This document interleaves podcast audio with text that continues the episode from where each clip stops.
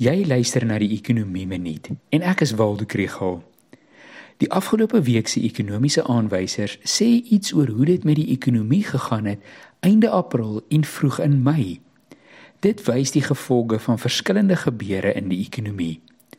Absa se aankope bestuurdersindeks het toegeneem in Mei maand en dit lyk of vervaardigers moed geskep het na die vloede en beerdkrag van April maand.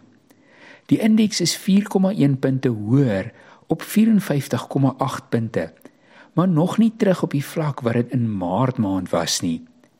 Faktore so stygende insetkoste deur vervoerkoste en bottelnekke in voorsieningsketTINGS is steeds risiko's vir vervaardiging.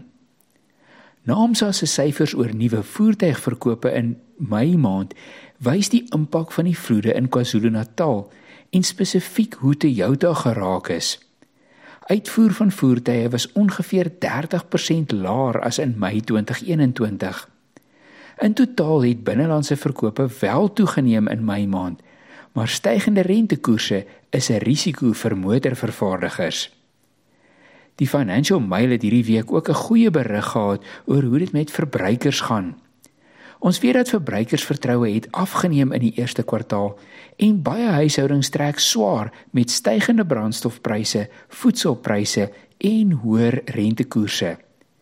Dit alles plaas druk op mense se diskresionêre besteding wat restaurante en toerismebesteding eerste tref. Vooruitskattinge wys dat reële verbruiksbesteding hierdie jaar met 2,5% gaan groei. Ontleerders dink daarom dat dit lyk nie asof die COVID-pandemie meer 'n groot impak op die ekonomie het nie en dat 'n einde van die oorlog in Oekraïne 'n groot verskil kan maak aan vooruitsigte. Maar ongelukkig lyk dit of daardie einde nog nie in sig is nie.